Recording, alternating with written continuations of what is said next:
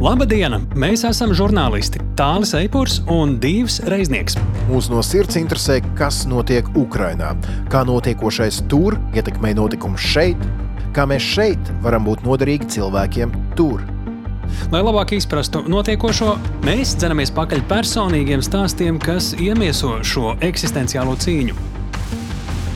Mēs skaidrojam, ko globāla ziņu virsraksts nozīmē šeit, pie mums.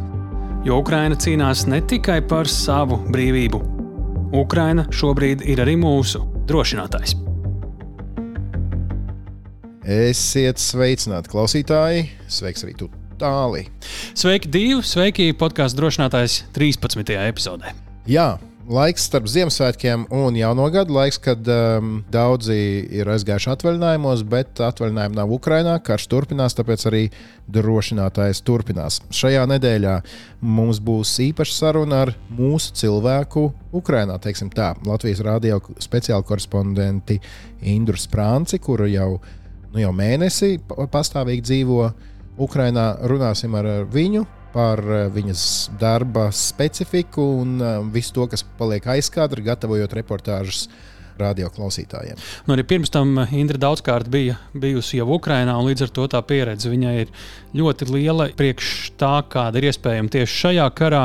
Nu, un eh, šīs 13. epizodes vēl viena, nu, jāsaka, tā nedaudz atšķirīga saruna no līdzšinējās epizodēs pieredzētajām būs ar mūsu pašu Kristīnu Bērziņu. Jā, es domāju, gads tūlīt, tūlīt būs beidzies. Ir īstais laiks kādam kopsavilkumam, un uh, to mēs arī lūgsim uh, no Kristīnas. Šeit mēs uh, liekos vārdos vairs neizplūdīsim, jo, lai runā mūsu sarunbiedrens. Jā, un ziniet, klausītāji, kad kāds saka, mēs vairs neizplūdīsim uh, liekos vārdos, tie, ir, ko teikt. tie jau ir lieki vārdi. Tā tad Kristīna Bērziņa. Sveiki, Kristīna! Sveiki, Kristīna! Sveiki, sveiki! Klau, nu mums gada pēdējais podkāsts pienācis. Mēs ar tevi jau iepriekš patiesībā runājām, ka varbūt ka, nu, jāpieliek kaut kāds punkts vai, vai komats, atskatoties uz to, kas ir bijuši tie notikumi, kas tev šķiet svarīgākie 2022. gadā, ja mēs runājam par notikumiem, kas saistīti ar visu, kas noticis Ukrajinā. Nu, skaidrs ir tas, ka pasaule ir ārkārtīgi mainījusies. Ja pirms gada mēs domājām, vai tā tiešām varētu būt, ka varētu izcelties liels karš Ukrajinā, tad atbildi jau mums februārī atnāca, un šobrīd pasaule izskatās pavisam citādāk. Bet man ir pieci punkti par to, ko mēs esam iemācījušies šajā gadā. Un pirmais punkts ir par to, ka Krievija nav visvarena, ka bailes no lielās Krievijas, ka viņa varētu vienā mirklī iebrukt kaimiņu valstī, un viss. Tās nav bijušas vietā. Ir skaidrs, ka Krievija ir daudz švakāka un trauslāka nekā mēs to bijām domājuši. Gan NATO valstīs, ASV, Eiropā. Skaidrs, ka Krievijas nopietnai korumpētībai ir liela nozīme bijusi un arī turpmāk būs. Un arī kā ārkārtīgi svarīgi ir uh, tas, ka Krievijas karavīriem ir milzīgs motivācijas trūkums, ka nav saprašana, kādēļ būtu jācīnās, un arī nav īsti saprašana par to, varbūt tautas līmenī, kādai Krievijai būtu jābūt. Jo Putins saka vienu, realitāte kara laukā ir citādāka, un savā ziņā valsts ir tāda drusku pazudusi.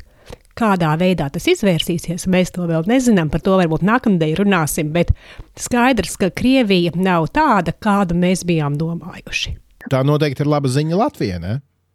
Tā ir laba ziņa Latvijai tādā ziņā, ka nav tik ļoti varbūt jābaidās, cik agrāk bija domāts, īpaši īstermiņā. Tāpēc, ka īstermiņā Krievija ir īpaši švakāka tieši pierobežā un visu savus spēkus velta Ukrainas karam, un īsākā termiņa, laika termiņā tā tad eh, drošība mūsu pusē ir daudz labāka, lielāka, un uh, par to var priecāties, bet uz visiem laikiem tas tā arī droši vien nepaliks. Un tā mēs arī tiekam pie otrā punkta, kas ir, kur ir otrā svarīgākā mācība, un ir tā, ka ir jācīnās. Ukrainas paraugs ir tas, ka ja cīnās, un ja ir laba vadība un valsts sevi notur un motivē, un ir gatava pati uzstāt par savu neatkarību, tad notiek brīnumi. Tāpēc, ka ar to motivāciju, ar enerģiju, tad nāk arī palīdzība.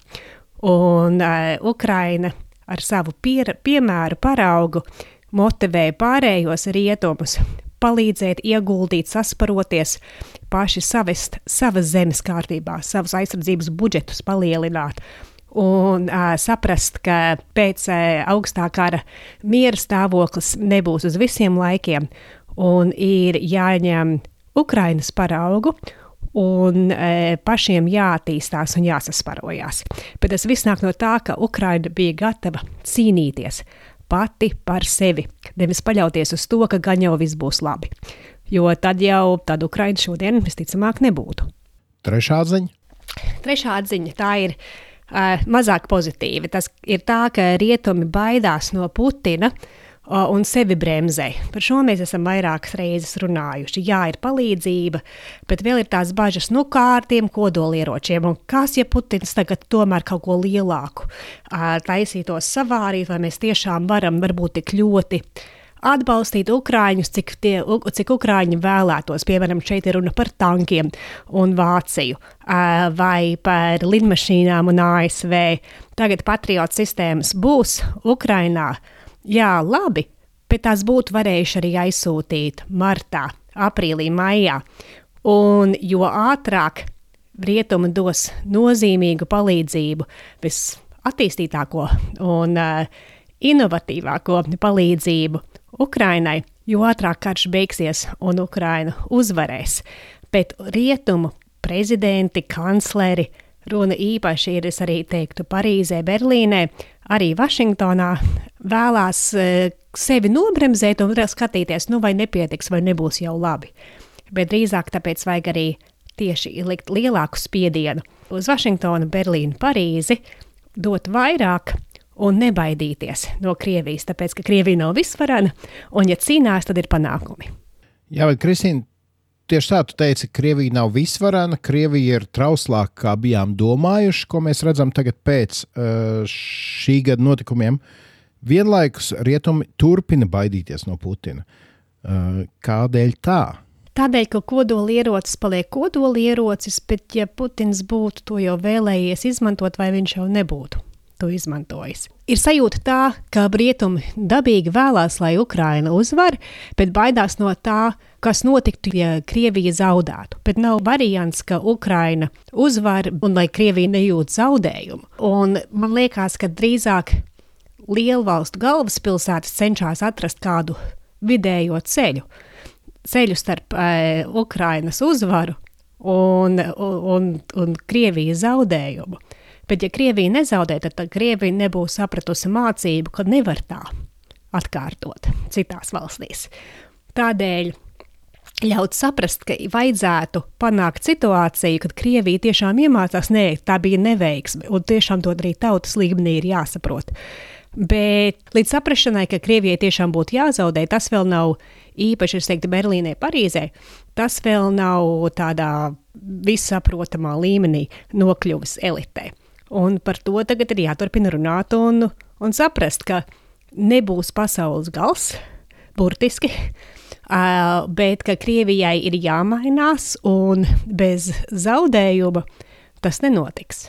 Atklāšu klausītājiem, mēs ar Kristīnu esam sarunājuši, ka nākamajā nedēļā, 2023. gada pirmajā nedēļā, mēs uh, apjautāsimies viņai par uh, prognozēm par nākamo gadu. Tā kā par to mēs vēl runāsim pēc nedēļas. Bet šobrīd, Kristīna, prasīšu, kāda ir tava ceturtā atziņa par 2022. gada notikumiem?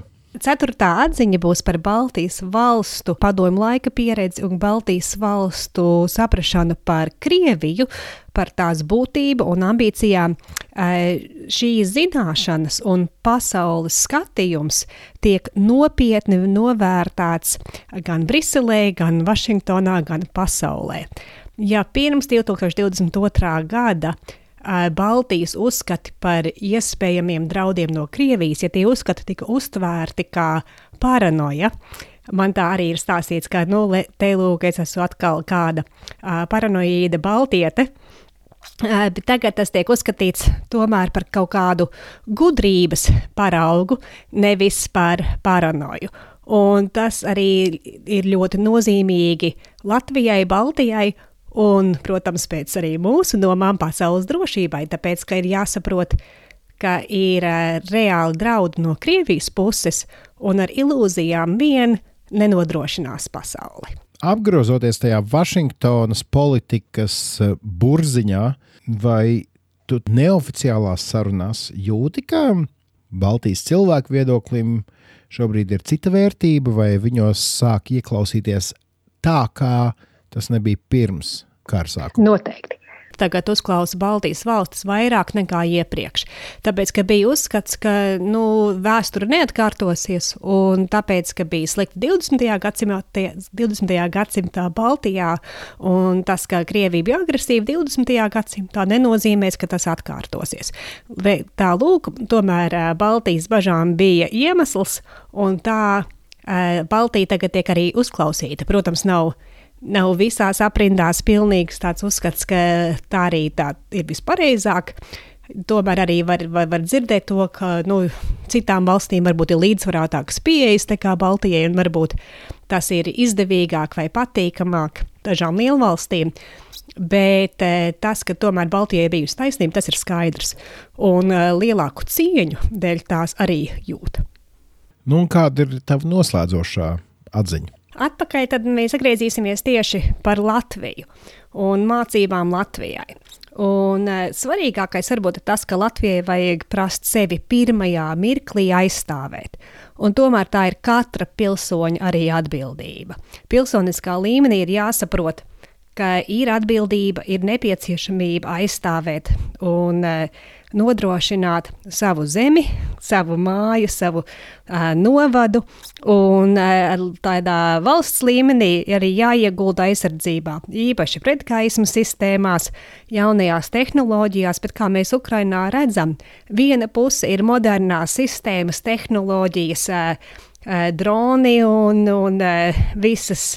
Viss tas jaunākais, bet otrā pusē ir tas, ka cilvēki ir gatavi uh, aizstāvēt sevi un savas ģimenes, un tiek pielietotas metodas, kas ir gan visprimitīvākās ar tranšējām un komunikācijām, pilnīgi bez elektroniskām ierīcēm, bet ar savstarpēji cilvēcisku komunikāciju. Plus vēl to lielo tehnoloģisko palīdzību un e, ieguldījumiem. Abām lietām jāsanāk kopā. Jo palīdzība būs, tā nāk, Ukraina parāda to, bet no pirmā mirkļa ir jābūt gatavam sevi aizstāvēt. Tāpēc, ka pazaudēto zemi ir ļoti grūti atgūt, un zaudētās dzīvības, nu, tas ir neatgriezeniski. Un e, tā nu lūk ir tā mācība, ka atbildība tomēr ir pašiem par savu drošību. Draugi ir labi, alianses, e, NATO, jā, tas viss palīdzēs, tas viss būs. Bet, ja runa ir par katru centimetru valsts, ja runa ir par katru dzīvību, tad pašiem jābūt gataviem sevi aizstāvēt, jo tad tā palīdzība būs tā vislielākā. Nu, mēs zinām, kā notikās pagājušo reizi, kad uh, es palikšu savā vietā, jūs paliksiet savējā, pie kā noved, tad uh, acīm redzami mums uh, svaigākie notikumi liecina, ka šī nebūs īsti pareizā metode, kā cīnīties ar agresoru, ja tāds brīdis pienāks. Tieši tā. Drīzāk jāņem Somijas piemēru. Un uh, Somija tagad būs, kļūs, cenšas iekļūt uh, NATO, gaida Turcijas atļauju un jāvārdu, bet uh, citādāk, kā Somija cīnījās, tā arī būtu Latvijai jācīnās. Nu, es beidzot šo gadu gribētu vēl no savas puses divas atziņas uh, pateikt, un varbūt tu varētu pateikt savu viedokli. Es gribētu tā, nu, uz pozitīvas nots. Ja? Uh, viena tā atziņa man šķiet ir tāda, ka šajā gadā mēs esam ieguvuši, kā es ceru, ļoti uzticamu sabiedroto un tādu, kurš būtu gatavs mums nākt palīdzīgā jebkurā mirklī Ukraiņas veidolā. Ap, jā, pilnīgi piekrītu. Ukraina novērtē tos, kuri Ukrainai visvairāk ir palīdzējuši, un Latvija ir gandrīz pirmā vietā. Un, ja skatās pēc tā, cik lielu daļu no aizsardzības budžeta, kura valsts ir iedevusi Ukrainai, tad Latvija tur stāv pirmā vietā. Un to ārkārtīgi novērtē. Un jāskatās, kura varbūt ir tad Eiropas stiprākā valsts, nu ne jau Vācija un, un Francija, bet Ukraina. Pēc pēc spējām, pēc motivācijas un pēc arī droši vien turpmākās palīdzības saviem sabiedrotiem un draugiem. Tā, tā būs milzīga vērtība Latvijai arī nākotnē. Un otra lieta man šķiet ir uh, tāda svētīga, varbūt nevienmēr patīkama bijusi, bet uh, man šķiet ļoti svarīga šī masku krišana. Ka, um, sākoties šim visaptvarošajam Krievijas iebrukumam Ukrajinā, ļoti, ļoti daudzas maskas ir kritušas. Jā. Kas ir kas? E, ir skaidrs, ka tagad arī ar darbiem, nevis tikai ar vārdiem, parāda to, kurš ir īsts draugs, kura valsts tiešām ir spējīga. Un e, reālie paraugi no, no, no Ukrainas, no Baltijas zemēm parāda to, ka mazās valstis, kuras arī varbūt ir agrāk uzskatītas par trauslākām, nebūtu nav, bet drīzāk tāda Francija, Vācija, kuras nevar sasparoties, kurām virziens nevienmēr ir skaidrs, nu, tās nav vadošās valstis Eiropā. Tās maskas ir kritušas, un to jūt arī Eiropas līmenī Briselē, kurām valstīm ir, ir mugurkauls. Un, un Latvijai noteikti ir. Tas ir svarīgi. Es šajā brīdī teikšu paldies Kristīnai. Mēs uh, nākamajā raidījumā, kas starp citu mūsu klausītājiem būs interesanti, mēs pirmo reizi šīs sarunas ar Kristīnu mm, nu jau raidīsim arī Latvijas radio ēterā. Nākamajā nedēļā parunāsim par to, ko Kristīne prognozē uh, 2023. gadā. Vai mēs varam sagaidīt kara beigas, un tā tālāk, un tā joprojām. Es nezinu, vai Kristīna tev būs atbildes uz visiem šiem jautājumiem, bet skatīsimies. Jā, labi, tad līdz nākamnedēļai. Paldies, Kristīna! Laimīgi jauno gadu visiem, un paldies! Tieši tā, laimīgi jauno gadu! Atā! Atā.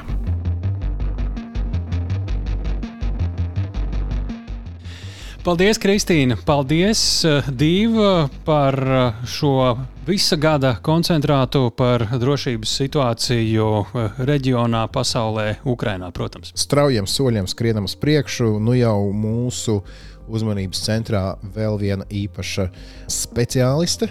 Indra Sprānce, mūsu kolēģe, Latvijas radio speciāla korespondente Ukrajinā, dzīvo Kijavā. Nu ko, zvanam! Zvanām, zvanām uz Kijivu, zvanām uz Kijivu, lai dzirdētu sarunu latviešu valodā, kas nevis tik bieži mums nav ar Ukrajinu, klausāmies Indras pieredzi gan kā žurnālistei strādājot ikdienā, ko tas nozīmē ar dažādu specifiku, gan, protams, arī par situāciju Ukrajinā, ko viņa ir redzējusi daudzkārt tur esot savām acīm. Sveiki, Indra! Labdien! Klau, cik ilgi tu jau esi Kijavā? Tā pastāvīgi. Tā pastāvīgi no 24. novembra. Tūlīt būs mēnesis. Nu, mēs arī gandrīz 24. datumā šo sarunu ierakstām, ir 23. Tad tev e, būs tāda traģiski viegla atskaite, cik ilgi tu esi Ukrajinā un kara mēnešu saskaitīt. 24. Varētu jau teikt, ka es tā visu gudru biju saplānojis, bet nē, šoreiz tā sanāca. Mm -hmm. nu, Klau, sākam ar to, ka mēs gribam saprast to tavu personīgo izvēli. Nevis kādas bija sarunas ar radio un viss tā plānošana, bet tīri tev pašai tā personīgā izvēle, kas tevi aizveda uz valsti, kur šobrīd notiek pilna mēroga karš. Jā, nu, tur nebūs nekādi baigie noslēpumi. Īsnībā viss ir diezgan vienkārši jau tad, kad šis viss sākās 24. februārī. Tad tā, nākamās dienas bija tas, ko es domāju, ko es kā cilvēks varu tajā visā darīt. Un vienīgais, ko es patiešām labi protu, man liekas, ka labi ir žurnālistika. Un, un tas ir tas brīdis, kad es arī sāku braukt uz Ukrajinu. Jau 27. februāris bija pirmā reize. Un pēc tam visa šī gada garumā es esmu tur bijusi vairāk kārtīgi. Un, protams, kaut kādā brīdī redzot, ka tur nebūs nekāda ātra risinājuma, diemžēl ka, lai arī kā gribētos to uzvaru, kā ātri viņas nav. Un, Un vienlaikus esot situācijā, ka nu, vismaz man personīgi bija tā, ka man mazāk interesē tas, kas šobrīd Latvijā notiek. Man šķiet svarīgāk un joprojām šķiet svarīgāk um, tas, kas šeit, Ukrajinā, notiek. Jo man liekas, ka tam var būt milzīgs seks nākotnē arī uz to, kā, kā mēs Latvijā dzīvosim un, un kādos apstākļos būsim. Tad kaut kādā brīdī es nonācu līdz tam, ka nu, es sapratu, jā, ka nu, man jābūt šeit ir pastāvīgi. Un, um, tas arī sakrīt ar kaut kādu tādu iekšēju sajūtu vai tādām pārdomām par to, ko es vispār žurnālistikā daru. Man jau ir vairāk kā 20 gadi. Un, Un ik pa laikam man ir tāda vēlme nu, pārskatīt, kas ir izdarīts, un saprast, ko es tālāk daru. Un, un bija tāda vēlme izkāpt no tā visa. Un, droši vien, ja nebūtu šī kara, tad uh, uz kaut kādu brīdi es būtu aizgājusi un darījusi kaut kādas citas lietas. Bet uh, tā tas kaut kā veiksmīgi sakrita. Uh, šīs divas lietas ir tāda man iekšējo vēlme izrauties no tās vidas, kurā es esmu, un kaut kā restartēties. Un, Un kur nu vēl labāk to darīt, kā, kā šeit? Jo te patiešām ir milzīgi izaicinājumi, gan tīri profesionālā ziņā, gan, gan arī vienkārši praktiski. Lai dzīvotu, lai būtu siltumā un, un kaut kā visas tās pamatlietas um, izdarītu, kas ir vajadzīgas. Jā, es gribēju savukārt prasīt, Indru, uh, šajos komandējumos uz Ukrajinu uh, pēdējā gada laikā. Varbūt bija kāds konkrēts mirklis, kur atskatoties, tev šķiet, ka jā, man ir jāpaliek šeit uz ilgāku laiku, jābūt šeit pastāvīgi? Tu tā nevar izstāstīt. Es pat nezinu, mēs pirms kāda laika satiku vēl pārējos kara žurnālistus, kolēģis no TV3. Un, un mēs pie sevis tā vienkārši pateicām, nu, to neviens nesapratīs. Kam īstenībā, nu, kam katru reizi iet cauri. Bet nu, es mēģināšu paskaidrot. Jau pirmajā reizē bija, bija tāda sajūta, nu, ka tas viss ir tik traki, ka, un tas galīgi nav priekš manis, jo, nu, kas es esmu, es vispār neesmu kara žurnālists, pilnīgi noteikti es arī sevi šobrīd par tādu neuzskatu, jo tās tomēr ir pilnīgi pavisam citas prasmes, kas ir vajadzīgas un zināšanas. Un tad bija tāda sajūta, ka, nu, ka šī ir pēdējā reize, kad es te esmu. Un es atceros, toreiz satiku arī vienu brīnišķīgu brīvprātīgo, kurš man un kolēģim arī uzdāvināja Ukraiņas karogus. Un es tā domāju, beigas simboliski tas viss ir.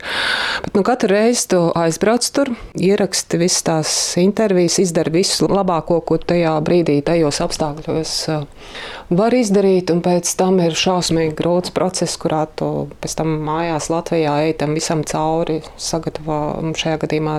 Tas bija podkāsts, vairākas sērijas par uh, Bučā un Irpiņā ierakstīto un sataisa tos visus tos stāstus, un kā izēja cauri. Un tad ir kaut kāds brīdis, kad tev vajag atkal doties atpakaļ, jo, nu, principā, tu nevari pārtraukt sekot tam līdzi, jo tas viss turpinās, un tur ir kaut kādas lietas, kas nav tā, ka tu izdomā, es tagad braukšu, un tad, tagad es sākšu sekot. Tas ir nepārtraukts darbs, nepārtraukts process visu laiku. Ir kaut kādi cilvēki Ukrajinā, kur gaitām tu arī seko līdzi, kaut kāda notikuma, procesa, vispārējais. Un, Un tas ir tā, nu, nemitīgi. Tas visu laiku tā turpinās. Un pēc tam arī bija vairākas reizes, kas bija man personīgi ļoti smagas. Īpaši vasarā bija arī brīdis, kad um, bija Donbassā un um, Solidarā. Un, uh, sanāca tā, ka es intervēju cilvēku, kurš divas dienas vēlāk tika nogalināts. Un, Un, un, lai jūs saprastu, ka tas nav tā kā šeit, Latvijā, intervēt cilvēku, vai tas nav tā kā cilvēku attālināti intervēt. Tas ir pavisam savādāk, tur esot frontē. Tas viss ir daudz personiskāk, jo tur tie drošības riski ir daudz augstāki. Nu, tā komunikācija ir daudz ciešāka un daudz personiskāka, un tāpēc arī tas ir daudz personiskāk, sāpīgāk, kad notiek šādas situācijas. Var teikt, gan arī katru reizi ir kaut kādi tādi brīži, kas ir tādi milzīgi izaicinājumi. Un, un, bet, nu, vienalga, tu, tu izēj tam cauri un, un tu atkal atgriezies turpatās un, un ir jāturpina. Abi mūsu intervētie latvieši, kur šobrīd atrodas karstajos punktos, viens karavīrs un otrs mediķis, viņi abi mums teica, principā, vienu lietu. Nu, normāli cilvēki šeit nebrauc. Tu piekrīti šim apgalvojumam, vai tev ir kādi pretargumenti? Jā, tāds ir. Tā tas ir, um, bet tādā pozitīvā nozīmē, es to gribu teikt. Jo pilnīgi visi tie cilvēki, kas te ir, ne tikai tie, kas uz fronti dodas, arī, piemēram, citās jomās strādājošie un citādi atbalstošie, nu, viņi katrs savā ziņā ir, ir no tiem cilvēkiem, kas vairāk vēlas dot, un diezgan traki jāsaka, ir. Jo arī tām situācijām, kurām viņiem jāiet cauri, nu, to nevar laikam izstāstīt. Tie ir milzīgi izaicinājumi visdažādākajās jomās. Nu jā, viens ir uh, aizbraukt uz uh, kādu valsti, sagatavot virkni reportāžu, atgriezties un pavisam kas cits ir tur būt uz vietas. Pastāvīgi, visu laiku un arī to ikdienu, visu uz savas ādas izbaudīt, bet tā tīri profesionāli, varbūt arī tīri no visu žurnālistikas un sižetu veidošanas viedokļa. Ko tas nozīmē būt tur pastāvīgi? Ir tā atšķirība, vai, nu, kuru tu uzreiz saproti, ka ir pilnīgi cita garša tam visam, pilnīgi cits rezultāts, pievienotā vērtība un vēl viss, kas cits. Protams, nu, vispār nevar salīdzināt. Gan tas, kā mēdī darbojas nu, Latvijā vai varbūt Rietumu valstīs, un, un tas, kā tas ir šeit. Un man vienkārši nav pieredze kā tas bija uh, līdz 24. februārim, bet es pieļauju, ka kara dēļ šobrīd tā slodze ir tāda, ka nu, tādiem preses dienestiem ir mm, vienkārši milzīgi izaicinājumi darboties. Un, un nu, šeit tādam žurnālistam, iebraucējiem no ārpuses ir patiešām ļoti grūti darboties, jo kaut kādas atbildes saņemt, kaut kādas intervijas sarunāt, nu, tas prasa daudz lielāks pūles nekā tas būtu jebkur citur. Protams, papildus ir uh, izaicinājumi ar savas drošības nodrošināšanu. Vienalga, kur tu veido reportāžus, tev ir papildus uh, izaicinājumi nevien saorganizēt, ja tev ir vajadzīgs kāds amatpersonas, bet uh, arī rūpēties par savu drošību, kas ir mūsu uzdevums un pienākums arī saņemot akreditāciju darbam šeit. Un, um, tas nevienmēr ir uh, vienkārši un arī izpētāms. Un bieži vien tu praksē vienkārši brauc, skaties, kā ir, un tad uz vietas risina tās problēmas, kas ir. Jo, nu, tāds pilns piemērs, kad atbrīvoja Buču, Irpiņu, Baradjanku. It kā tās teritorijas bija atvērtas, bet nu, vienlaikus tu nekad nevarēji zināt, ka tu varēsi iekļūt. Un, ja tu iekļūsti, vai tu varēsi izkļūt, un pa kuriem tu varēsi izkļūt, vai tu varēsi izkļūt tā, lai tu varētu paspēt līdz komandas stundai aizbraukt. Un šie praktiskie jautājumi patiesībā diezgan daudz aizņem. Tu varēji pa tukšo braukt vairākas dienas pēc kārtas, un, un tu nezini, vai tu tur tiks iekšā vai netiks. Nekur jau nav tā informācija tā publiskota, ka tu varēsi un zināsi droši, vai ka tu vari normāli plānot savu žurnālistu darbu. Nu, tā jau tāda žurnālistu profesijas garoziņa, jebkurā situācijā, kad nu, tu līdz galam nevar būt pārliecināts, kāds būs tas rezultāts. Man ir vairāk tāds praktisks dabas jautājums. Viens ir ļoti īss un konkrēts. Vai pirms tam, kad tu saprati, ka tu pārvācies uz Ukrajinu pastāvīgi, vai tev tika nodrošināta kāda apmācība, kādi kursi tīri drošības jautājumos? pašas pamatzināšanas, kā uzvesties frontē, vai nu no Latvijas puses, vai no Ukraiņas puses, vai no radio puses? Tāda liela atbilde ir jā, es esmu izgājis apmācības. Tas nav ne no Latvijas valsts vai Ukraiņas valsts puses. Tā ir mēdīja organizācija, kas nodrošināja šādu iespēju žurnālistiem, kas arī strādā kara zonā. Bet detaļās es vairāk negribētu iet par šo. Bet, jā, nē, nē, skaidrs, jo vienkārši tad, kad es Latvijas televīzijas ārzemju ziņu nodaļā strādāju pastāvīgi, es atceros Kosovas karš, Irākas karš. Tad es vienkārši atceros, ka EBU, kas ir Eiropas raidorganizāciju apvienība, rīkoja kursus Eiropas žurnālistiem pirms došanās uz karstajiem punktiem. Jā, tāpēc man tāds jautājums. Man liekas, ka jau pēc manām apmācībām, kas arī nebija tieši radio, bet um, radio galvenā redaktora Anita arī man palīdzēja tur nokļūt.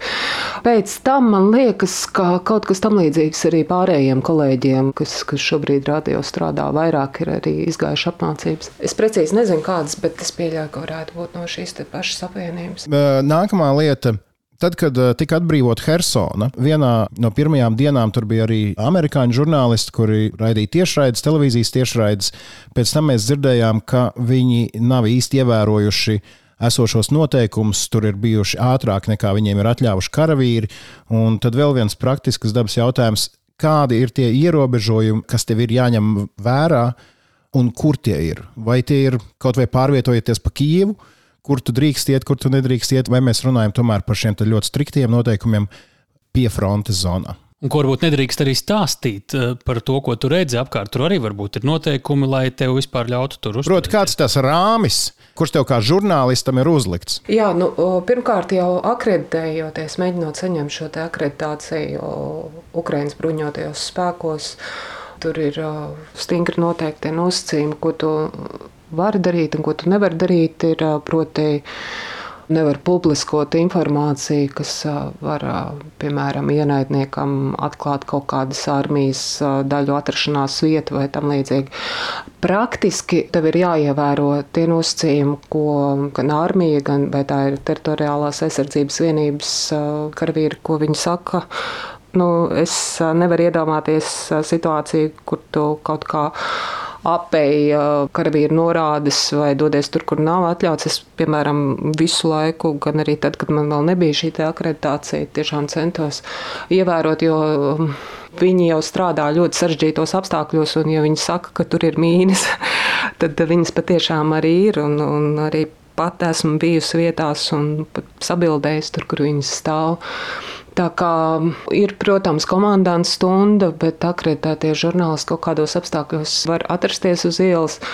Dažādi citi kaut kādi jautājumi, bet es patiešām mēģinu risināt uz vietas. Es arī, ja es gribu kaut ko bildēt, tā es vispirms vienmēr uzvaicāju. Un, nu, īpaši tas bija jūtams pašā sākumā, kad karš bija tikko sācies, vispārējais iepirkums. Tad, nu, bija tāds sajūta, ka tu vispār neko nevari bildēt. Pat telefonu ņemt rokās uz ielas. Un, nu, tagad tā situācija ir kļuvusi nu, mierīgāka, jau viņi izturās pret visu.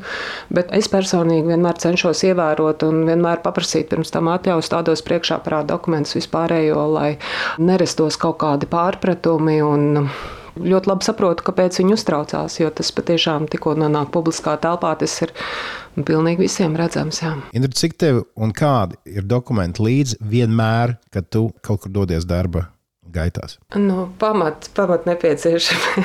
nu, tu, tu gribi man pavisam tādas lietas. Nē, nu, pamat, pamat lietas. Nē, nē, es domāju, vienkārši, nu, kas tev bez, bez pases, tu nē, bez akreditācijas, tu nē, bez aizsardzības ministrijas atļaujas, tu nē. Nu, ir kaut kādas lietas, ko mēs izjūt no mājas, vienmēr domājam, tā tad man vajag, lai man būtu maks, telefons un atslēgas.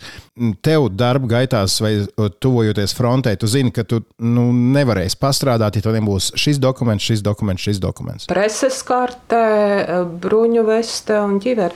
Nu, piefrontē tur noteikti kaut kāda apgabala, kur labāk ir vienkārši pārvietoties bruņu vestē. Un, uh, tas ir grūti, un es vienmēr skatos, meklēju pēc iespējas, kuri tik līdz vāres valku nost, jo patiešām tie kilogrami ir baigi jūtami. Un īpaši vasarā, kad arī bija liels karstums.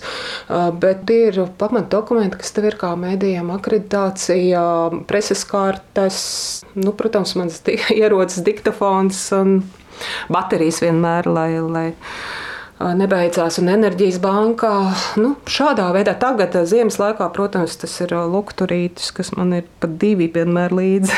Vienu kaut kas ar vienu. Atstarotāji, es dzirdēju no kīviešiem, ka mēģinot saskatīt pozitīvo šajā visā trakumā, ka kīvieši runā, ka te mēs kļūstam vairāk par eiropiešiem, ka mēs sākam nāsāt atstarotājus, jo vienkārši nakts laikā ir pilnīgi tumšs. Nu, jā, nu es pamatā pilsētā netik daudz, bet ja tā ir fronte, tad preses vestē jau ir šie atstarojošie, uzraksts atstarojošais. Tas ir, bet nu, pilsētā es nestaigāju bruņu vestē. Un, jā, nu, ja mēs runājam par pilsētas iedzīvotājiem, viņi patiešām lieto tagad daudz vairāk atstarojošos. Un tu jau, piemēram, vakar stundās izējot parkā, tu jau redzi, ka tur spīd, tur spīd, bet nu, daudz arī ar telefoniem un lukturīšiem staigā apkārt. Tā tas notiek. Kāda ir cilvēka attieksme pret tevi kā pret žurnālistu? Kāda ir cilvēka attieksme pret tevi kā pret ārzemju žurnālistu? Sāksim ar šiem diviem jautājumiem. Ir tā, ka tas pirmais ar otro ir ļoti sasaistīts, jo Es pagaidām ukrainiski tikai dažas frāzes varu tīrā ukraiņu valodā pateikt. Un, protams, ka tas pirmais ir, es, es arī pasaku, no kurienes es esmu, un, un ir milzīga pretīmnākšana, un pārsvarā visi atplaukst un ir priecīgi, ka šeit ir žurnālisti no Latvijas. Un, jā, Latvija ir viņu saraksta augšgalā. Un, Dažas dienas atpakaļ bija situācija, kad cilvēks negribēja runāt par to tēmu, par ko es viņu izvaicāju. Viņš, bet es gribu pateikt paldies Latvijai un, un novēlēt, lai jums ir miers un lai jums nav tas, kas mums ir. Un viņi patiešām ļoti, ļoti pateicīgi par Latvijas valsts atbalstu, par Latvijas iedzīvotāju atbalstu. Un, un tas nav tā, ka tikai kaut kādās amatpersonu frāzēs vai kaut kādās pieklājības runās. Tas ir patiešām jūtams ikdienā no vienkāršiem cilvēkiem, no tāda milzīga sirsnība. Viņi tiešām ļoti, ļoti novērtē. Es nezinu, es jūtu atbalstu ar tiem, kur man ir kāda vajadzība, kur es lūdzu palīdzību, tad man patiešām arī nāk iespēja robežās pretī un palīdz. Es nezinu, vai tas ir tāpēc, ka es esmu no Latvijas. Grūti pateikt, ir, bet Bet jā, šī labvēlība ir patiešām jūtama nu, tādā savstarpējā komunikācijā. Jā, nu, tu jau atbildēji uh, uz manas šī jautājuma trešo punktu, ko es gribēju prasīt. Vai, vai ir tā, ka atveras kaut kādas durvis, kas citādi būtu ciet um, tikai pēc tam, kad uh, tiek uzzināts, ka tu esi no Latvijas? Man gribētos, lai tās durvis vēl vairāk atvērtos. Es teikšu, godīgi, tāpēc ka šobrīd es jūtos tā, ka es pamazām tikai sāku iešūpoties.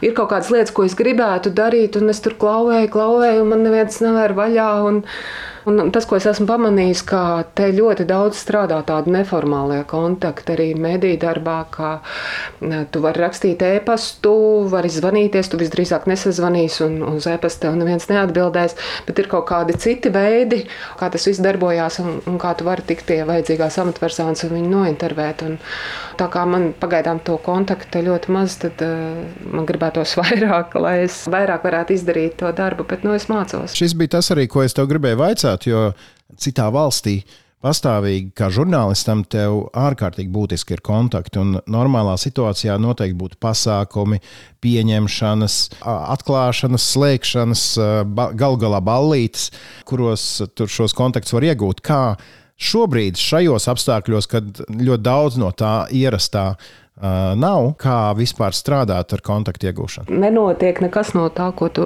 minēji. Un ir skaidrs, ka tas arī nu, nevar notikt. Kaut kāda neliela kontakta man ir, protams, bet es mēģinu darīt labāko, ko es varu šajā situācijā. Es jau sev sākotnēji uzstādīju tādu, tādu mērķi, ka, protams, ideālā gadījumā es te varētu nodarboties ar pētniecisko žurnālistiku, darīt kaut kādas nopietnākas lietas, bet uh, sākumam ir tas, ka patiešām praktiskās lietas, kā cilvēki izdzīvo, uh, kā tas notiek praksē, uh, kā viņi pārvar šīs grūtības, kas ir uzlidojuma laikā. Kā nu, tiek risināts sadzīviskas lietas, tātad pavisam vienkāršas lietas, kuras es varu izdarīt no šejienes, kā ārvalstu žurnālists šajos ļoti ierobežotajos apstākļos, kur pagaidām visdziļāk neko rakt nevar. Sāku es ar mazumiņu un, un ceru, ka, ka varbūt arī kaut, kaut ko vairāk izdosies izdarīt. Tas kaut kā man mazliet izbrīna, jo nu, pēc būtības, nu, tā vienkārši sakot, Ukrāņiem vajadzētu būt priecīgiem par katru, kurš stāsta viņu stāstu tālāk, interesējas. Un te pašā laikā mēs dzirdam žurnālistu, kurš saka, ļoti grūti kaut kur kaut ko tur ir dabūt. Tas tā mazliet paradoxāli izklausās. Jā, bet mēģinu saprast, ka ir karš, ka viņiem ir, es tagad pārspīlēju, bet nu, miljons pieprasījumu no visas pasaules, visdažādākie prāti prātīgi, neprātīgi, vispārējais uz kaut ko viņi mēģina atbildēt, uz kaut ko nemēģina. Arī droši vien tie paši cilvēki, kas var kaut ko izskaidrot, jau ir tā pārguruši, un neskaitot, nu, viņiem taču ir savu pienākumu, vēl papildus arī kaut kāda mēdīja interese. Es varu saprast, ka ir ļoti, ļoti grūti. Es to pilnībā varu saprast. Es savukārt mēģinu atrast citus ceļus, kā, kā dabūt atbildes un izdarīt savu darbu. Bet, starp citu, tieši pirms eh, mūsu sarunas Noskatījos New York Times publicējas um, pusstundīgu pētniecisko video, kurā viņi bija apkopojuši materiālus par uh, slaktiņiem Bučā. Tu arī pieminēji, tu biji Bučā, Irpiņā. Kā ir esot uz vietas, mēģinot ar šiem cilvēkiem runāt par iespējams traģiskākajiem mirkļiem viņu dzīvē? Atkal un atkal, ka pie viņiem nāk atkal un atkal žurnālisti, tu jūti kaut kādu nogurumu no šiem cilvēkiem, atkal atminēties šīs lietas, vai arī tas jau ir kļuvis par viņu pienākumu runāt un runāt un runāt, lai šīs lietas nepaliktu.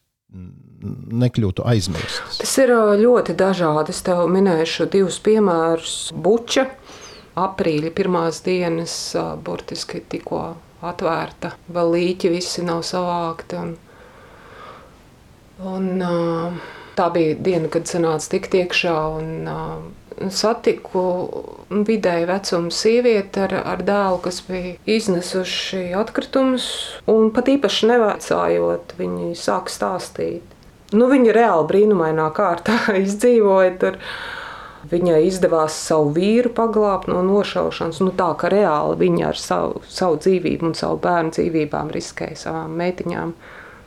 Neļāva atdot vīru, un viņi visu to izstāst. Tad, tad tas bija tāds brīdis, kad nu, tev vienkārši jātur diktafons un, un jācenšas neraudāt, jo nu, tad var kaut kā izsist ārā. Un, un, un tas, tā ir tāda viena situācija. Un beigās viņi tev vēl apkampja, nu, kā mēs būtu pazīstami vai. vai Un vienkārši ir, ir tas, tas šausmīgais, ka viņi gājuši cauri, viņi vienkārši viņu, viņu to izliek ārā. Tā ir viena situācija, un otra izjumā, tagad, kad atbrīvoja Harkivu.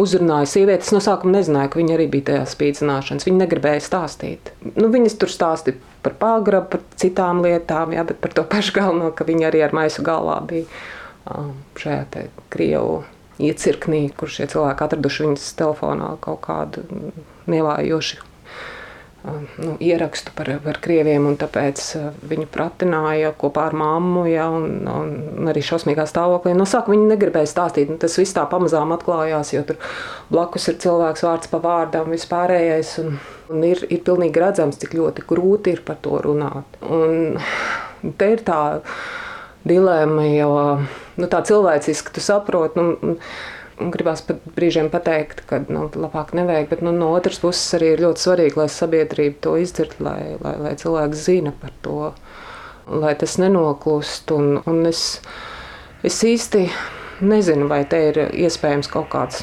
taisnīg, taisnīgums visā šajā procesā, bet man liekas, ka vienīgais, ko es varu, ir dokumentēt to visu. Un, un tāpēc dažreiz ir tā grūti, jo tu redzi, ka tam cilvēkam ir grūti. Un, bet, nu, nu, man, man tā doma ir, ka, ka tam ir jāizskan varbūt tieši tāpēc, lai, lai tas nepazustu, lai tas nepaliek tikai pie, te, pie tiem cilvēkiem, kuriem tas nodarīts pāri. Par ziemu runājot, mēs eh, iepriekšējā drošinātāja epizodē rūpīgi izrunājāmies par vienas ģimenes ikdienu, kas viņiem ir mainījies. Mēs audio formā iegājām mājās pie ģimenes, un viņi izstāstīja, kas viņiem kur ko dara kā veļas mašīnas tikai naktīs darbojas un tā tālāk. Kas ir tas, kas tev kā žurnālistei nāk komplektā ar ziemu, četreiz vairāk bateriju kabatā? Kas ir tas, ko ziema atnes žurnālistam darbā? Tas, ar ko tu rēķinies, tu jau pieminēji powerbankus un baterijas un lukturīšus, bet Nu, te varbūt konkrēti jau tieši šajā virzienā. Nu, redzēju, eh, man liekas, ka tie izaicinājumi šajā jomā gan īpaši neatšķiras ne ar ko, eh, kā jebkuram citam. Tie pamatā ir tie paši izaicinājumi, kas ir visiem cilvēkiem. Tātad elektroenerģijas pārtraukuma, kas man arī bija milzīga eh, skola arī jau šajās pirmajās dienās, jo to varbūt tā no malas, sežot siltumā, nevar iedomāties, kā tas ir, ka tev pazūd tā elektrība, siltums pazūd, pazūd siltais ūdens. Kā ir saplānot visu to dzīvi, nu, tā pragmatiski. Jo, nu, nu, es, piemēram, es varu izstāstīt, piemēram, iedomājos tā gudrinieci būšu, nu, tagad fiks ieiešu vēl pēdējā, pēdējo karsto ūdeni izmantošu dušā, bet nu, pēc tam tad, uh, nekas jau nedarbojās. Tu nevari izžāvēt, piemēram, matus, un tad jau jāsēž patvērtnē uzlidojuma laikā, tu vari augstēties, kā tas arī notika manā gadījumā. Un, uh, Visādas kaut kādas šādas mazas sīkumiņas, kas ir, uh, lai, lai izdzīvotu šajos apstākļos, ka tev nu, nemitīgi ir visi šie elektrības pārāvumu. Piemēram, katru reizi, kad sākās gaisa trauksme, fiks, fiks, fiks, lietas vārīties teikā, no ātri nomaina termosos ūdeni, lai tev ir karstais ūdens ik pa laikam. Tādi mazi sīkumiņi, kas palīdz kaut kā mm, šo laiku pārvilkt, bet ko nevar iedomāties pat nu, tā ārpusē normāli. Nu, protams, arī nu, ziemā ceļi, ja man uz šejienu braucot sanāca piedzīvot visādus izaicinājumus uz ceļa, jo, protams, ir bedres liels. Un, sanāca pārsīs divus riteņus un arī apbrīnojams Ukrāņu atbalsts, kur cilvēki, kur pilnīgā nekurienē, nu, nav tūmā apdzīvotas vietas. Un, un tas bija tieši 24. novembris, kas, ja atceries, ir blackouts pilnīgs. Bija. Pilsētas bija pilnīgās tumsās, kuras brauc cauri un nestrādāja dienesti, nestrādāja kartes, degvielu nevarēja nopirkt, nekas tam līdzīgi. Bet, nu, Ukrāņi apstājās, nomainīja man riteņus, brauc tālāk un, un palīdzēja. Nu, vienkārši apbrīnojami, kā tas viss strādā pat tādās situācijās, kuras tu nevari iedomāties, nevar izplānot. Par to, kāda būs tā ziema. Tu redzi vienkārši, ko cilvēki Tur reāli runā, mēs internetā, protams, arī ļoti daudz ko redzam. Kaut kāds priekšstats ir, bet, ja tā pajautātu, kāda tad varētu izskatīties ziema tās smagākajā punktā, kas ir tas uh, grūtākais scenārijs, ar ko grib negrib Ukraiņi šobrīd rēķinās? Nu, tādos ļoti lielos teikumos ir tā sajūta, ka, protams, nu, ko var izdarīt, nu, var atkal mēģināt uzbrukt pa infrastruktūras objektiem un, un panākt tā pilnīgu atslēgumu. Bet, protams, vismaz šeit, Kīvā, ļoti gatavojas tam sliktākajiem scenārijiem lai palīdzētu cilvēkiem izdzīvot, lai nebūtu tā, kā bija šajā 24. novembrī, kad patiešām ne, nekas nebija. Pilsētas līgā, pilnīgā tumsā, un, un arī sakari nebija un, un vispārējais. Nu, tagad ir ļoti daudz sarakstu, visdažādākie iestādes, tirsniecības vietas, medicīniskā palīdzība, pat dzīvnieku dzīvnieku veterinārās klīnikas, ir, ir, ir viss, nu, viss jau ir tāda tā kā plāns sataisīt, kur kas strādās, tad, kad nekā nebūs. Kur cilvēkiem slēpties, kur viņi varēs dabūt ūdeni, kur viņi varēs dabūt pārtiku, kur būs tie punkti, kur varēs arī sasildīties, kur vajadzētu strādāt šiem ģeneratoriem, kur uzlādēties. Ir tā sajūta, ka patiešām tiek darīts viss, lai lai palīdzētu tādai maksimāli sliktai situācijai. Bet šajās dienās man bija arī intervija ar Kīvas mēra vietnieku. Nu, kā viņš teica, ka viņš tādam pilnīgam blackoutam vairs īsti netic, ka tas tāds varētu būt. Jo pirmkārt, jau ļoti daudz iestādes šobrīd ir nodrošināts ar šiem ģeneratoriem, un pagaidām procentuāli nevar vēl pateikt, cik tas ir. Un skaidrs ir, ka nu, pilnīgi visu vairāk miljonu pilsētu normāla eksistence tādā veidā nevar nodrošināt. Nu, vienlaikus kaut kāda pati minimālākā palīdzība būs iespējama. Tāpat pilsēta arī gatavo degvielas rezerves, ja tiešām tā notiek. Un, Tad, protams, metro nestrādā, bet kursēs īpaši autobusi. Un, starp citu, tie ir no Rīgas piegādātie tajā skaitā. Nu, viņi šim plānam tiešām nopietni gatavojas un nu, vienlaikus dara visu, protams.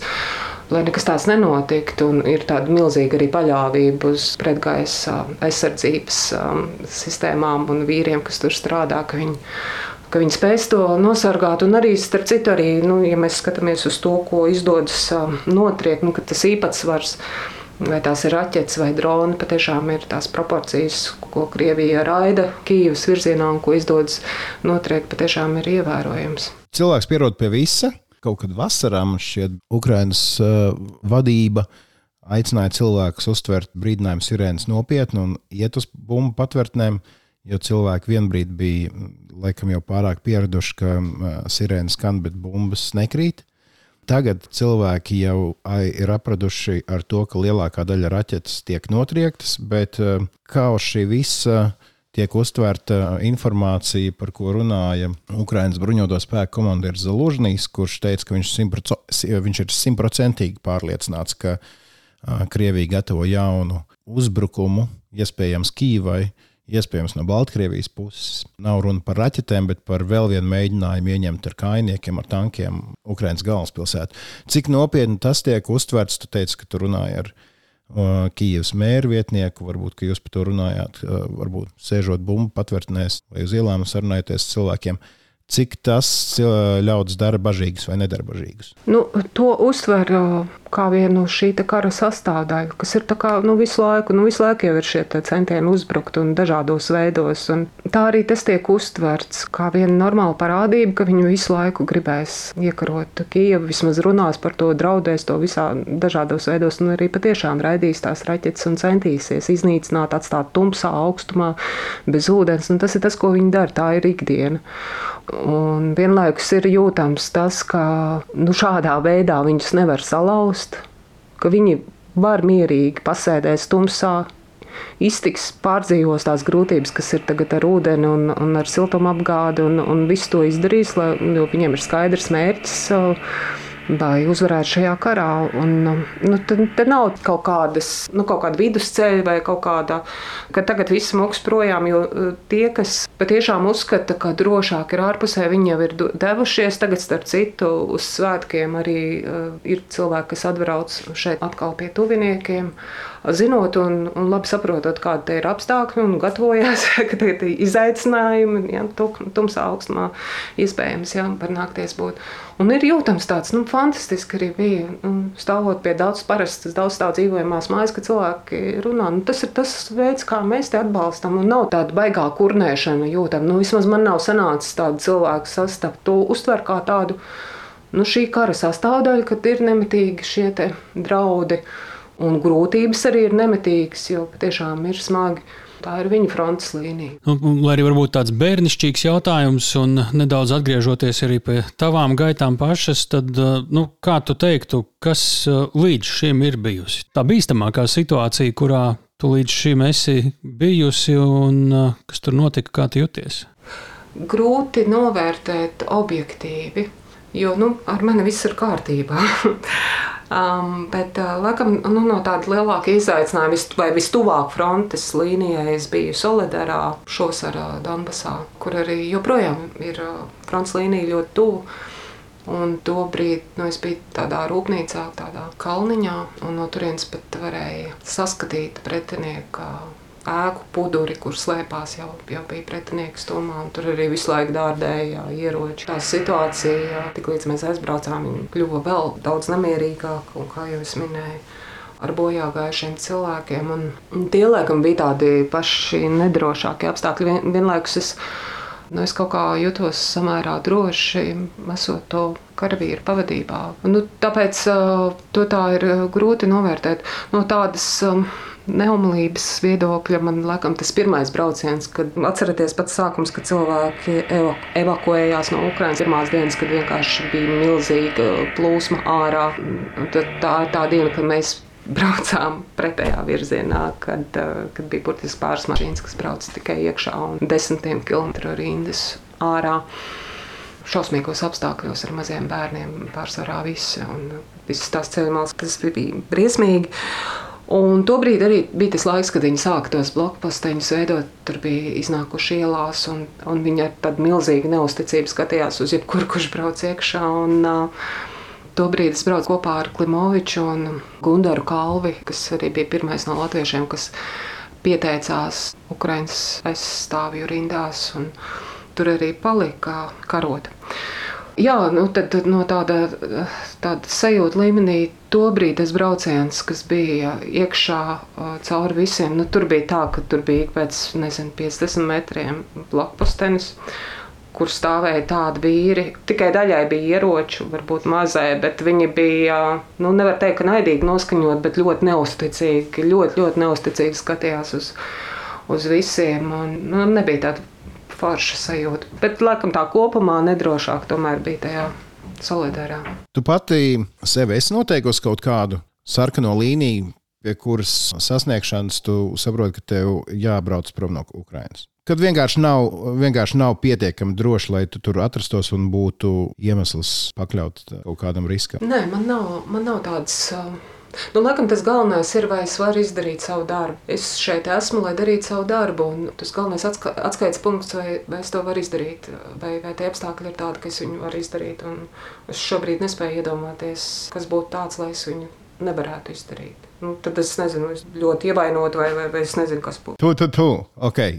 Šo tēmu noslēdzam. Uh, Zinām, kā ne, nepiesaucam sliktas domas. Nomainot tēmu, Latvijā ilgus gadus tavs darbs bija saistīts ar pētniecību, tā skaitā korupciju. Tāpēc tev noteikti būs ko teikt par uh, mūsu nākamo jautājumu. Tiešām par to varbūt, kamēr ir pilnvērtīgi kara apstākļi, par to runā mazāk, bet kas manī noteikti interesē, kā karš ir uh, mainījis un uh, maina joprojām Ukrāņus. Te es arī ceru, ka kaut kā varētu pat mainīt to cīņu un attieksmi tieši pret korupciju. Nu, ja mēs atceramies Maidanu, no kā tas sākās, uh, no neapmierinātības ar esošo varu, nu, protams, arī Krievijas ietekmi un tam līdzīgi. Un, nu, korupcija bija tas viens no lozungiem, iemesliem pārmaiņām. Un korupcija, starp citu, bija tas, kāpēc rietumi tagad pie šī iebrukuma ļoti uzmanīgi skatījās uz to, kā tieši palīdzēt Ukrainai, nezinot, cik melnā caurumā tas viss iekrīt. Kādas ir tās tavas pārdomas, kāda šajā ziņā šobrīd ir situācija Ukrainā un uz kuru pusi tā mainās? Jo, diemžēl, mēs joprojām dzirdam dažādus piemērus, kur tā korupcija tur ir dzīva. Jā, kopumā jau tās problēmas, kas viņiem ir bijušas, viņas diemžēl nemazinājās pēc tā paša Maidana. Tas nebija tāds milzīgs pavērsiens kaut kādā ceļā uz godīgāku pārvaldi un atklātību un citām lietām. Un šīs problēmas, viņas joprojām ir arī tagad, kara laikā. Bet uh, man ir ļoti, ļoti grūti par to runāt. Un es varbūt mēģināšu izstāstīt, kā es pati izvēlos, ko atspoguļot un ko nē. Jo ir tā, ka arī man šajos braucienos uz Ukrajinu ir nācies saskarties ar cilvēku liecībām par tām problēmām, kas Ukrajinai ir, kas varbūt ir tā netik glītā puse šajā stāstā. Un, Un es vienmēr ļoti rūpīgi apdomāju, vai un kā to integrēt un kā to atspoguļot. Jo nu, viens piemērs, tā pati buča irpiņa, kur tas cilvēks, kas man izrādīja apkaimi, bija vietējais iedzīvotājs, kurš vienkārši veda maizi cilvēkiem. Un tās bija pirmās dienas, kad Krievijas karaspēks bija atkāpies un Ukraiņi atgūši teritorijas, atkal visur blokposteņu un vispārējais. Un, daudz no Kīivas ziedoja pārtiks produktus, un, un viņi aizveda līdz, līdz Irpiņai, tur pie tilta nodeva tālāk, un viņš ņēma un brauca pa mājām, mēģināja pīpināja apdzīvotās vietās sasaukt cilvēkus un atdot. Taču, lai nokļūtu uz tām vietām, bija jāšķērso šie blokposteņi, un kā viņi paši stāstīja, ļoti dažādi cilvēki tajos blokpostiņos ir. Bija pat tādi, kas no viņiem prasījuši naudu, lai viņi varētu izbraukt cauri. Ja. Tad cilvēki, kas vēd maizi citiem cilvēkiem. Tāda ļoti nu, smaga epizode, kas ir problēma, es pieļauju ļoti dažādos līmeņos, kaut kāda veida korupcija, varas izmantošana arī. Es uzskatu, ka par šīm lietām ir jārunā, bet, bet viņas ir jāieliek tādā kopējā kontekstā. Šobrīd uh, Ukraina ir nu, vienkārši neapskaužamā situācijā. Sliktākais, kas varētu būt, ir paņemt kaut kādu vienu lietu, lūk, tur ir korupcija, tur ir negodīgi cilvēki, tur var būt zog, palīdzība aiziet ne tur, kur vajag.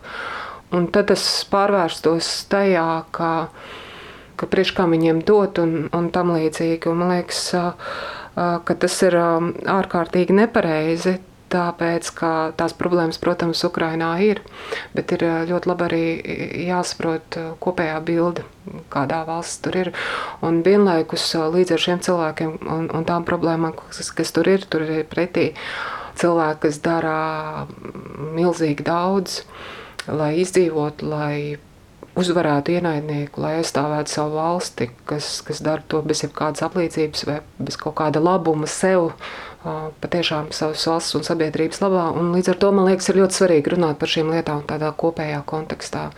Un, um, es ļoti priecājos, ka vismaz man ir tāda sajūta, ka šis karš ir kaut kādā ļāvis uzplaukt arī, varbūt, diemžēl tādā nelaimē, mil, milzīgā uzplaukt arī kaut kādā lab, labiem žurnālistiem, piemēram, Kieva Independent, kas ir attīstījies, uzaudzis pēdējā gada laikā. Viņi arī nopietni pēta, viņam ir arī pētnieciskās žurnālistikas daļa, un, un viņi tieši, piemēram, nodarbojas ar tiem jautājumiem, kas skar kaut kādas problēmas attiecībā uz armijas apgādi un, un tādām lietām. Un tad, ja tas ir kontekstā un pareizi izdarīts, tas ir ļoti svētīgi. Tas, ko es pati vismaz cenšos izvairīties no kaut kādiem klišejiskām šādām lietām, ja ir kaut kāds viens gadījums, tad tu kaut kā lai tas nepavērstos pret Ukrainu, kas šobrīd ir nu, jā, ļoti, ļoti neapskaužamā un ļoti grūtā situācijā. Bet runājot arī, pabeidzot tas, ko tu teici, vai tas ļaus mainīties, nu, man ir bijušas tādas sarunas ar cilvēkiem, viņi jau apzinās to visu. Tas ir veids, kā viņi varējuši izdzīvot, nu, ja tu esi kaut kādā vienā tādā sastāvdaļā. Bet viņi arī ļoti labi saprot, ka tas viss ir lūk, novedis pie milzīgām problēmām. Un, kā minēja tas pats karavīrs, ar kuru es intervēju Solidarā, un kurš pēc tam divas dienas vēlāk atdeva savu dzīvību par to, ka šis karš ir tāds patiešām tāds tā kā pagrieziena punkts Ukrainai.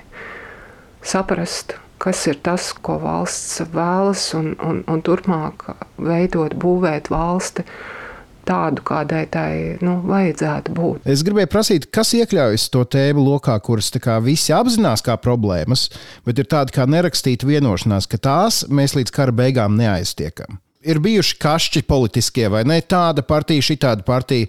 Mēs dzirdam, ja, protams, ka ir tur Porošenko, tur vēl kaut ko, bet, bet kopumā tomēr pat tādi, kas ir bijuši lieli kvēla Krievijas aizstāvji, pat tādi ir ir, kuri aiziet uz fronti un cīnās.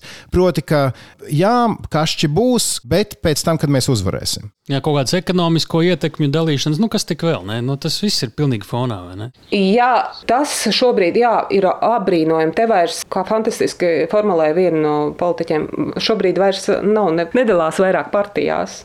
Tur vairs nav svarīgi, no kas tu esi bijis, no kuras partijas, vai, vai tu iepriekš esi bijis oponents mm, opozīcijā vai, vai pozīcijā, vai, vai kas no kurienes tu nāc un, un kāda ir tava nostāja. Šobrīd visi ir vienoti vienā gabalā cīņā pret iebrucēju.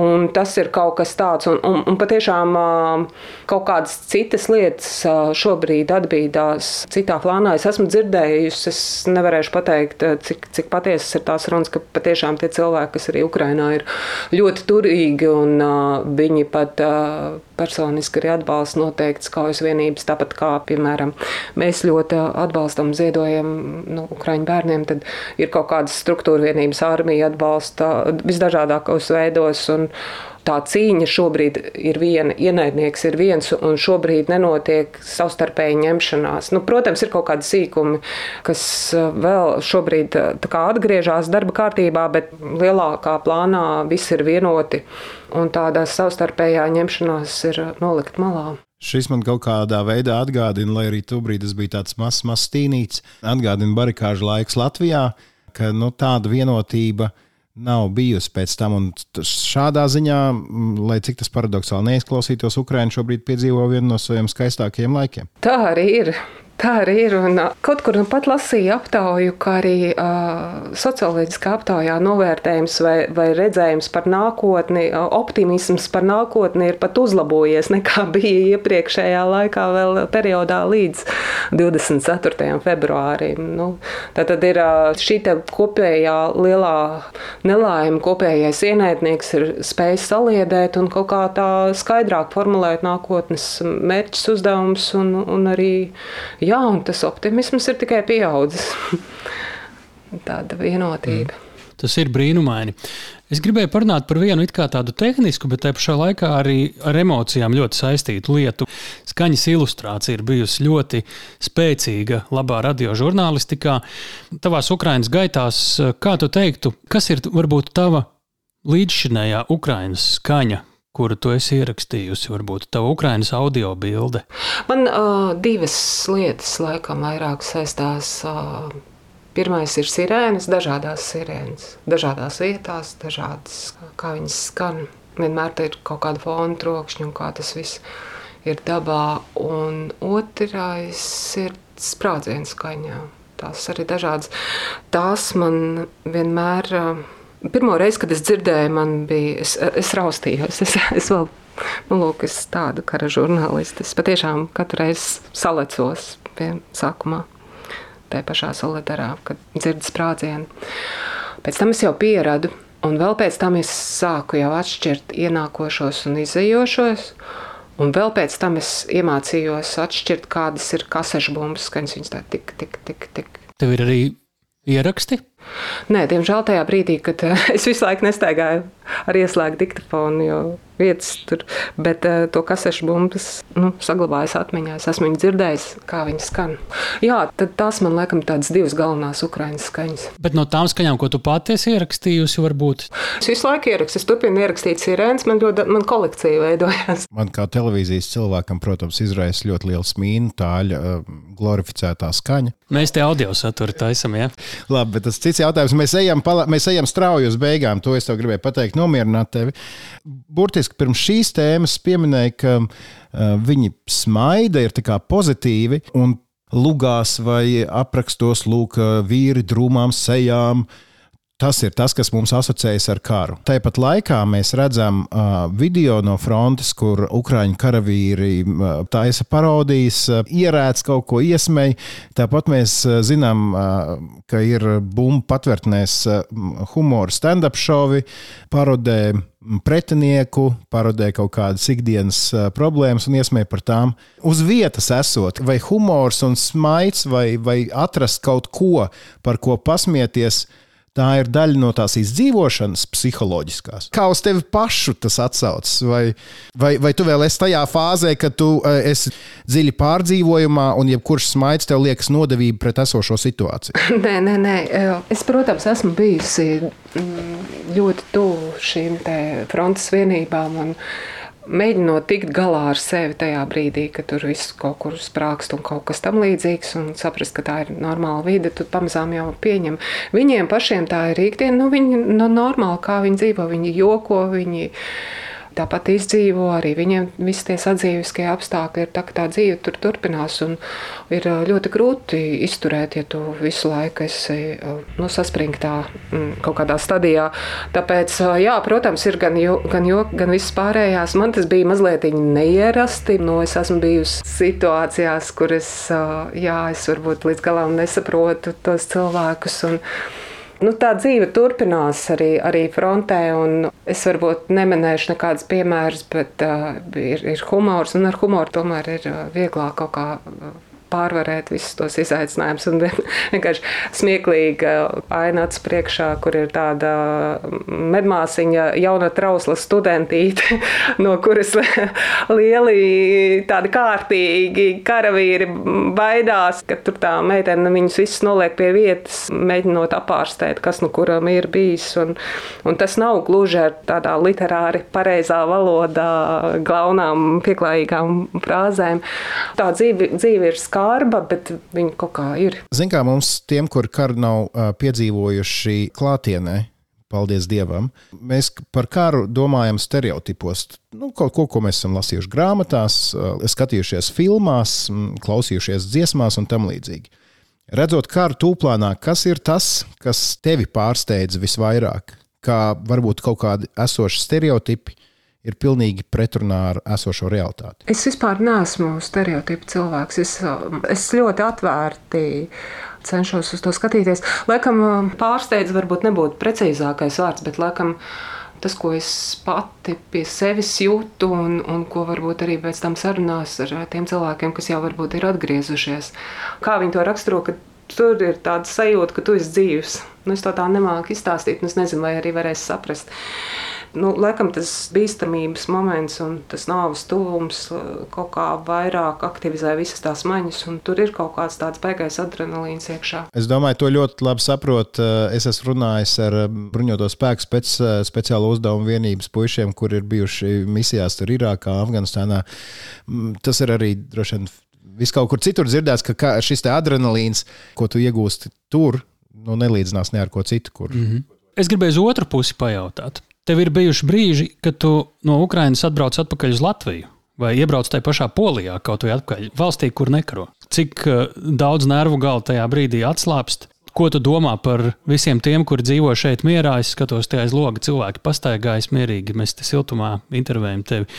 Kas tā ir par sajūtu? Ļoti spilgts sajūtas, varbūt izstāstīšu arī no tā paša pirmā brauciena. Es ļoti psiholoģiski gatavojos, ka būs tur viss ļoti slikti. Un arī bija, un, un tur pilnīgi katrs cilvēks, ko tu intervēji, vienā brīdī sāk raudāt, un tu zini, ka tu iekšēji nedrīkst raudāt, jo, jo ja tu sāc raudāt, tu nevari uzdot profesionāli, vairs neesi tik labs. Un es tā ļoti turējos, ļoti, ļoti turējos. Man pašai likās, ka es baigi labi turos. Un tad braucot ārā jau, un tuvu robeža bija, atceros, mēs braucām ar kolēģi. Un es vienkārši jūtu, ka tā ir robeža. Un pilnīgi nekas bija miers, viss kaut kāds radio skanēja. Man bija tāds sajūta, Un, ka es vienkārši tulīt ne no kā, pilnīgi ne no kā, vienkārši sākšu raudāt. Jo tu visu laiku esi aizturējis savas emocijas, visu laiku ir vienkārši nu, tā, baigi mobilizējies. Un ir apbrīnojami, kā cilvēks spēja mobilizēties. Tas pirmais brauciens bija patiešām traks. Un tad tas vienkārši vienā brīdī nāk ārā. Un pilnīgi bez kaut kāda iemesla. Vienkārši tur radio kaut kāda dziesma skan. Un, Un tikai pēc tam es piefiksēju, ah, nu, robeža.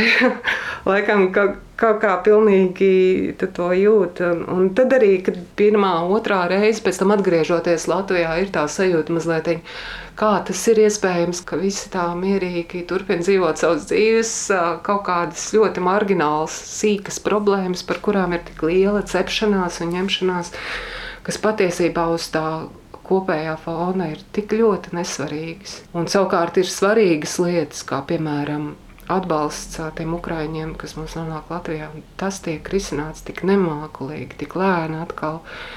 Un ko varētu vienkārši izdarīt? Un kaut kādas tādas paralēlās realitātes arī šobrīd skatoties, kad budžeti beidzot apstiprinās. Un, Un arī par valsts aizsardzības dienestu runājot, ka pat dzirdēju ministrā komentāru, ka vēl ir baigi daudz, kas jāparunājas. Un tā apstākļos, kad mēs katru dienu redzam, kas notiek Ukrajinā.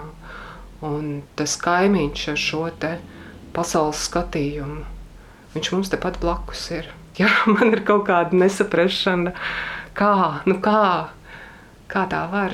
Jā. Es nezinu, vai šis ir pareizākais, ko vaicāt žurnālistam, bet, nu, ja mūsu lēmēji kaut kādi klausās šobrīd, kuriem ir teikšanu par kaut kādām lietām, nu, tad varbūt kaut kas ko tu gribi pateikt no Kievas. Esot tur? Man, man liekas, ka ir ļoti svarīgi beidzot sākt strādāt, nevis savstarpēji ņemties, ar ko šīs valdības kungi un dāmas ir, ko viņi ir darījuši pēdējos mēnešus. Jo, lai, lai cik Krievija šķiet aizņemta Ukrainā, visi tie riski, manuprāt, ir, ir ļoti augsti. Man neliekas forši, ka tie cilvēki, kas ir tikuši ārā brīnumainā kārtā, mēģina tātad dodas ceļā caur, caur mūsu robežām, ka mēs viņiem nespējam palīdzēt cieņpilni. Pieklājīgi kā minimum. Man vajag sāpīgi to skatīties, un es patiešām gribētu saprātīgāku reakciju uz to visu, un situācijas nopietnības apzināšanos un, un, un praktisku rīcību, lai to visu savest kārtībā. Uh, Ziniet, kā Indra, es, es šo podkāstu saucu par uh, pirmo pasaulē, kurš uh, strādā, lai mums būtu iemesls uh, beigt šo podkāstu, raidīt, lai beigtos karš. Protams, ka būs daudz par ko runāt. Es tev novēlu saglabāt veselu saprātu, smaidu. Jā, lai tev arī būtu iemesls braukt atpakaļ, vai arī izbaudīt uh, Ukraiņu jau pavisam citā veidā, atpūšoties un raudzējoties un tam līdzīgi. Tā kā uh, liels, liels paldies tev, Indra, par sarunu! Es drošībā. Paldies jums par uzaicinājumu. Un beigās mums droši vien ir jānovēl tas, kas uh, ikdienā šobrīd ir vissvarīgāk, praktiskāk, kā jebkad to varētu iedomāties - siltus un gaišus Ziemassvētkus. Sirsnīgs paldies jums arī un visiem klausītājiem!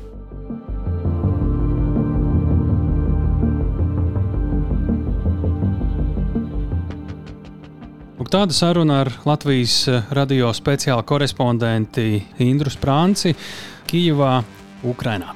Tālāk man te ir jautājums, tu esi gribējis būt karsto punktu reportieris kādreiz? Ja godīgi, tad ne tādu, kur ir kārdarbība. Ir daudz citas lietas, ko es gribētu, bet šis laikam, kā mums medmāsiņa teica vienā no mūsu epizodēm, karš nav domāts visiem. Karš nav domāts visiem. Es gan ļoti labi atceros, ka žurnālistos studējot pirmajā kursā mums bija jāizvēlas viens žurnālists, par kuru rakstīt aprakstu. Nu, tāds pirmais nopietnais pastāvīgais darbs. Man bija, es izvēlējos Atlimoviču. Aizgāju pie viņa, runājām četras stundas. Viņš man ļoti iedvesmoja. Un tad viens no maniem pirmajiem kārtīgajiem cīņu biedriem televīzijā bija Sandijs Samjonovs. Un viņi kopā ar vēl vienu lielisku cilvēku un profesionālu man draugu Girtu Straustiņu braukāja pa karstiem punktiem - Kosova, Irāka, Kuveita, Afganistāna. Un eh, es zinu, ka televīzijā bija kaut kāds brīdis, kad man prasīja, nu, te, tu arī gribētu, un es arī gribēju, laikam, to brīdi, bet tad man piedzima divi bērni. Un pēc tam uh, vairāk šādas elmes īsti nav. Un skaidrs, ka šis darbs ir pilnīgi noteikti ne visiem. Nu, visu cieņu arī uh, kolēģiem Zanai Penezei, Inai Strasdiņai, kuras ir bijušas tajās vietās. Uh, tas noteikti nav vienkārši stāsts, kā mēs dzirdējām arī sarunā ar Indru. Un vēl viens pierādījums uh, absurdajam apzīmējumam vājais dzimums. Tieši tā. Indrai, Zanai, Inai. Sveicieni jums, kolēģis. Bet arī jums, klausītāji, mēs teiksim visu gaišu, laimīgu jauno gadu, Es nezinu, vai mēs drīkstam šādu veidu podkāstā novēlēt jaun, laimīgu jauno gadu. Es teikšu, lai nākamā gada beigās mums vairs nebūtu iemesls tikties podkāstu apdrošinātājs. Mēs ļoti ceram, ka mums šādā formā ar jums pēc gada nevajadzēs sarunāties. Viss gaišs. Bet kamēr ir tā, kā ir, atcerieties, drošinātājs skaidri un personīgi par karu Ukrajinā. Raidieraksts drošinātājs.